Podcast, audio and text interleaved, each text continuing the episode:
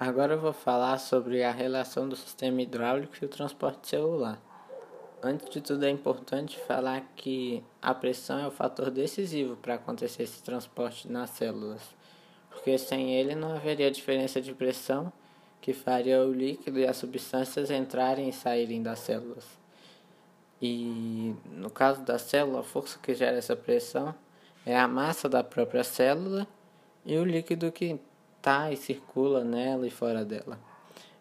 Em, também coisas importantes na, da pressão que fazem relação com esse transporte são que o resultado da pressão é sempre a força aplicada em uma determinada área, né?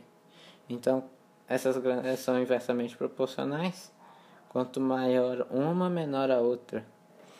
Ou quanto menor uma, maior a outra.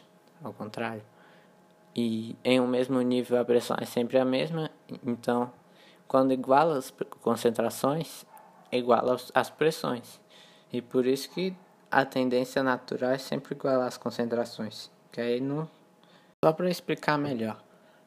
As, quando as concentrações são diferen, estão diferentes, a pressão vai ser diferente. E por isso vai entrar ou sair, graças à permeabilidade seletiva da, da parede celular, vai entrar e sair um líquido ou uma substância que vai igualar a pressão e assim não vai haver gasto energético, porque é uma tendência natural, e isso vai igualar as concentrações e a pressão.